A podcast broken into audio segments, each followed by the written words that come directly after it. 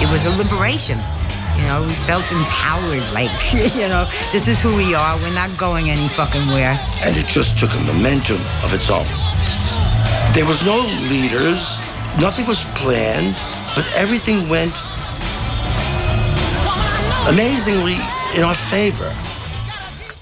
Ja, u hoorde twee mensen die er 50 jaar geleden bij waren. De zogeheten Stonewall Riots in New York. Aanleiding voor die rellen was de zoveelste inval van politieagenten in de homobar The Stonewall Inn. Maar, anders dan anders, dit keer kwamen de lesbo's, travestieten, transgenders en homo's van Stonewall in verzet.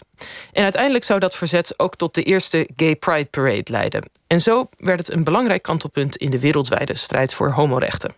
En te gast over Stonewall is historica Anna Thijsseling die eerder gepromoveerd is op onderzoek naar homorepressie en vervolging in Nederland rondom de bezettingstijd. Anna, welkom. Dankjewel. Uh, de Stonewall Inn, wat was dat voor plek? Dat was een uh, beetje loesje bar mm -hmm. met een stenen muur, bakstenen muur, vandaar die naam. Uitgebouwd door de maffia. En de maffia had geen drankvergunning.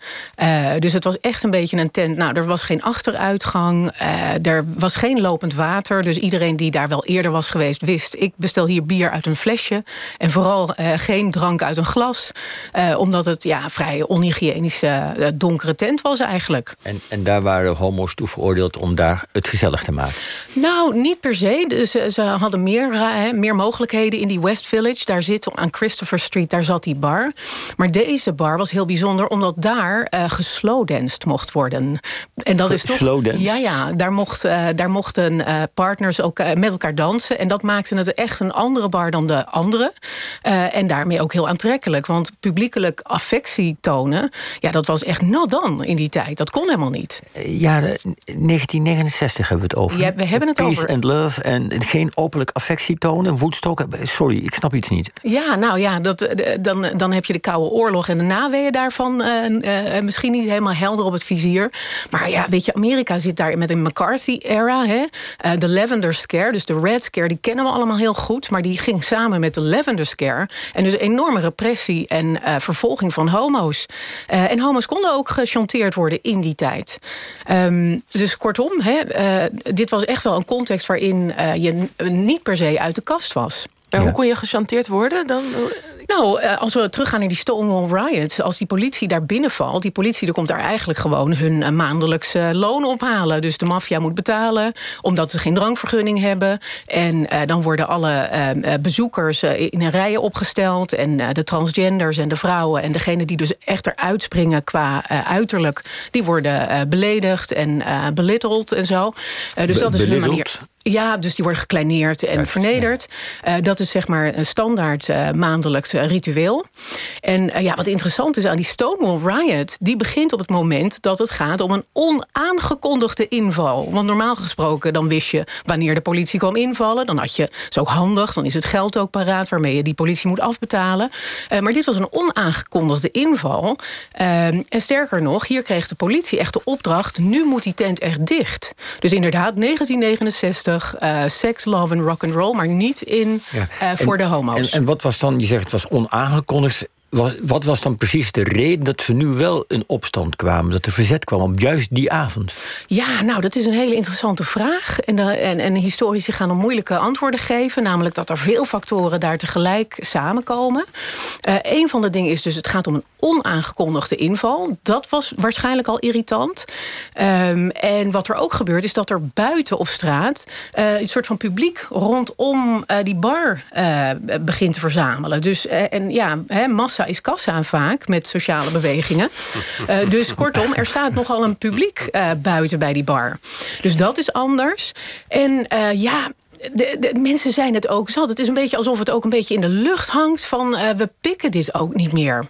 Ja, en, en, nog... moeten, we, en, moeten we ons voorstellen dat er daar een enorme politiemacht is? Of, of... Nee, nee want de politie is gewend dat zij daar met uh, zes mensen... Uh, een, een, zaal van uh, 200 mensen makkelijk aan kunnen. dus die zijn ook een beetje flabbergasted. Van, normaal kun je met een hele kleine macht... deze chantabele groep mensen kleineren, vernederen... en je geld ophalen. Nou, en dat gaat dus deze avond niet. Um, dus nog, dat, nog even, ja. even een vraagje tussendoor. Want ik snap de drankvergunning. Dat is dan het probleem van, van de caféhouders, zullen we maar zeggen. Van de maffia. Maar waar konden, waar konden cliëntelen dan voor gearresteerd worden? Werden ze alleen lastig gevallen? Of konden ze ook echt een, Nee, je kon ook echt afgevoerd worden. En dat had alles te maken met uh, ja, crossdressing. Dus uh, je had een wet waarbij je niet een, een ander mocht in, impersonaten. Hoe vertalen we dat? Je mocht niet iemand je, je voordoen als een ander. En veel van die boetjesvrouwen... Mm -hmm. die hadden mannenkleding aan. En er was een soort van three-item rule. Dus je moest in elk geval drie kledingstukken van je eigen sekse aan hebben. Wilde je niet gearresteerd en afgevoerd kunnen worden. Dus BH BH, een onderbroek. En daarvan wordt dan gezegd: hoe weet jij wat ik aan heb onder mijn, uh, onder mijn broek? En schoenen. Dus uh, het is niet helemaal handig. En ik, ik, uh, ik heb zelf geen vrouwenschoenen. Dus ik zou ook naar de buurvrouw moeten rennen voor, uh, voor schoenen. dus kortom, hè, je, kom maar, zie maar te komen aan de kleding die je nodig hebt... om niet afgevoerd te worden door de politie. En dat is dus interessant. Want deze vrouwen, transgenders, dus drag queens ook... Hè, de zichtbare figuren in die gemeenschap... die worden eigenlijk heel gemakkelijk afgevoerd... omdat ze gewoon een wet overtreden. Mm -hmm. Nou, en dan wordt dus een van die vrouwen... een van die boetjes naar buiten gevoerd. En er zijn meerdere verhalen over dat moment hoor. Um, en die zegt dan tegen die menigte van ja, als, we, als wij dit niet willen, doe dan wat. Dus die vrouw die staat daar in haar mannenkleding. Ja, met een politiemacht van uh, ongeveer zes mensen. En uh, roept eigenlijk op tot ja, als je dit niet wil, uh, doe dan wat. En dan? En, en het verhaal gaat dat er dan met koper gegooid wordt. Kopper. Dus kop, kopper. En dat is een, echt een, een, een soort van beledigend, beledigende geste naar die politiemacht toe. Uh, dus die politieagenten denken ook... Um, maar je bedoelt muntjes? Of... Muntjes, ja. Okay. Kopermuntjes worden gegooid richting de agenten. Maar later ook andere dingen. En, er, en, het wordt een riot omdat er ook vuur, hè, uh, vuur wordt gemaakt. En dat ook richting zo'n bar gaat. Niet helemaal leuk voor de mensen die daar binnen zijn. Uh, en de politie die trekt terug. Dat is op zich wel slim, denk ik. Dat ze terug naar binnen gaan in die bar. Ja, en, en dan is eigenlijk gewoon de geest uit de fles. Zo wordt dat ook echt gezegd. Als een soort van watershed moment. Wij pikken dit niet meer. We zijn hier helemaal klaar mee. Uh, dus kortom, ja, dat is dat moment. Uh, en, en, duurt zo'n rel dan één nacht of duurt het nog wat langer? Blijft ja, even een nawerking? Nee, nee, nee, inderdaad. Dit gaat volgens mij even uit mijn hoofd vier nachten door.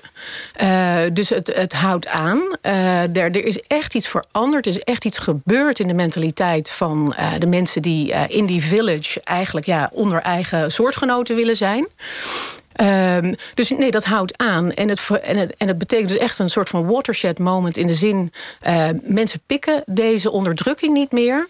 En, en, en uh, het is interessant, hè, want dit is uh, het begin ook van de coming out als strategie. Want eh, wat, wat ik nog vergat te vertellen...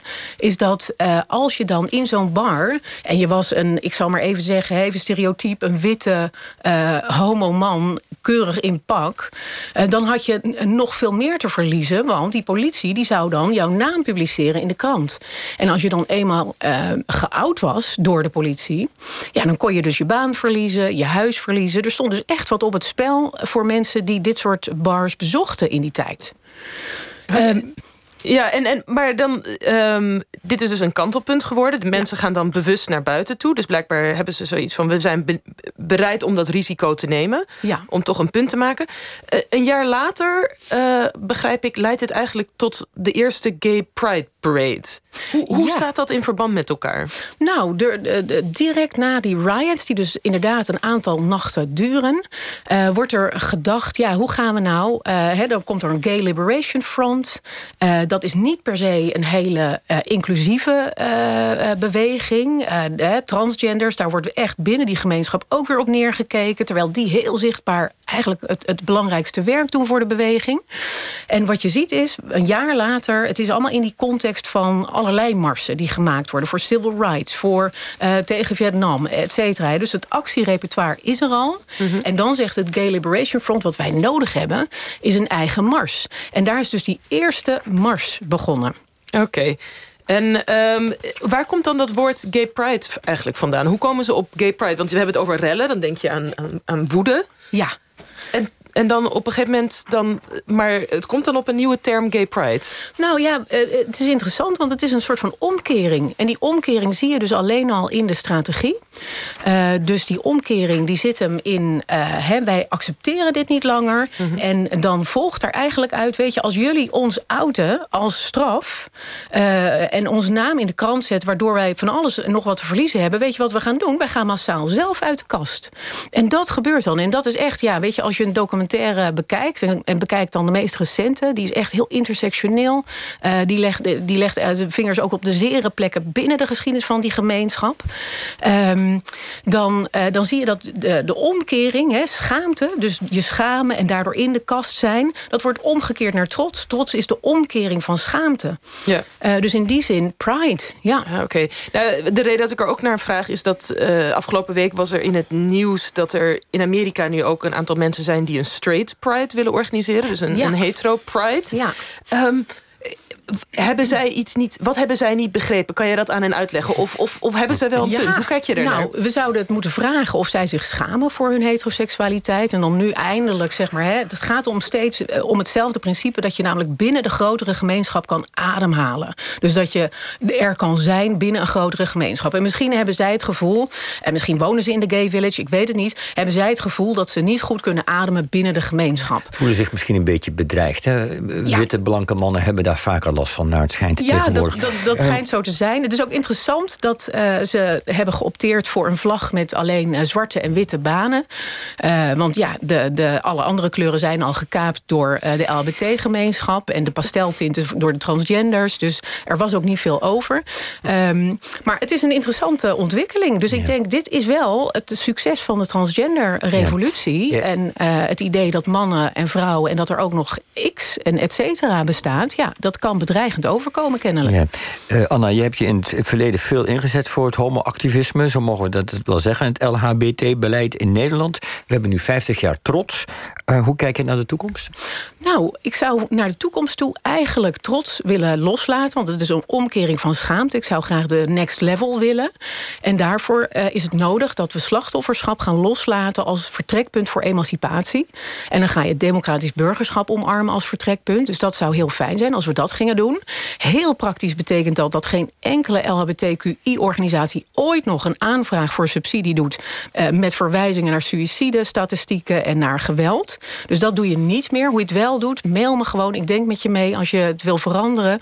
um, en een tweede ding, wat heel belangrijk is... en zeker nu, hè, dat is echt urgent geworden... door minister van Engelshoven... die uh, de geesteswetenschappen bedreigt met uh, minder middelen. Dus zorg dat je het onderzoek hiernaar...